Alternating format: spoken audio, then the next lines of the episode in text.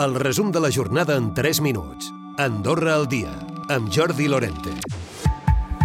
La propietat de la Borda Mateu ha presentat al Comú d'Andorra la Vella un projecte de ciutat-jardí per a aquest espai.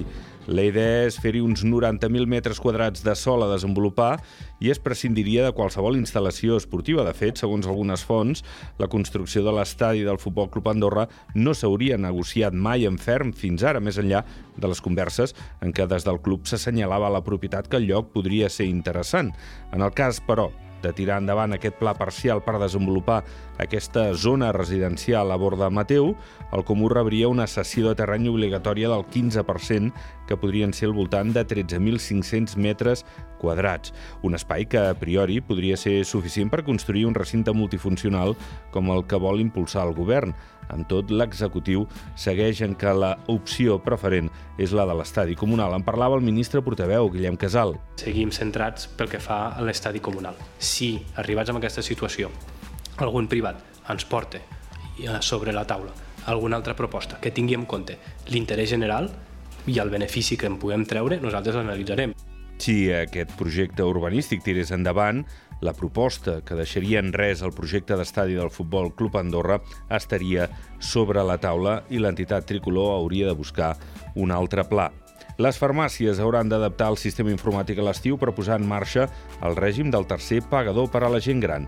Serà finalment a partir del 18 de setembre per als majors de 65 anys i del 20 de novembre per als discapacitats. I les famílies que acullen els 29 nens i adolescents en el sistema d'acolliment familiar veuran incrementades les ajudes des d'ara. Guillem Casal, ministre portaveu. És un programa que funciona, però tot i així és de eh, lògica gairebé aplastant que un programa que no revisava des del, des del 94 havíem de revisar els preus i vincular-los d'alguna manera a algun llindar existent i que tenim actualment, que és el LEX. La instal·lació de plaques fotovoltaiques se situa a hores d'ara a les 280. Bona part del creixement ve de la rendibilitat que han trobat els propietaris i, segons Medi Ambient, de les ajudes del Pla Renova. Cada vegada hi ha més instal·lacions petites que són viables fins i tot a les zones més o vagues.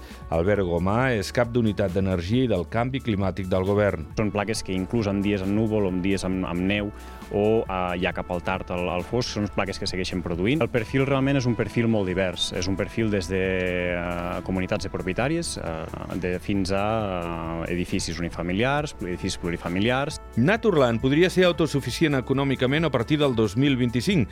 Així ho ha assegurat Xavier Jona, el director de l'Ecoparc, als matins de la Nacional. Aquest 2023 són 400.000 euros, com he dit.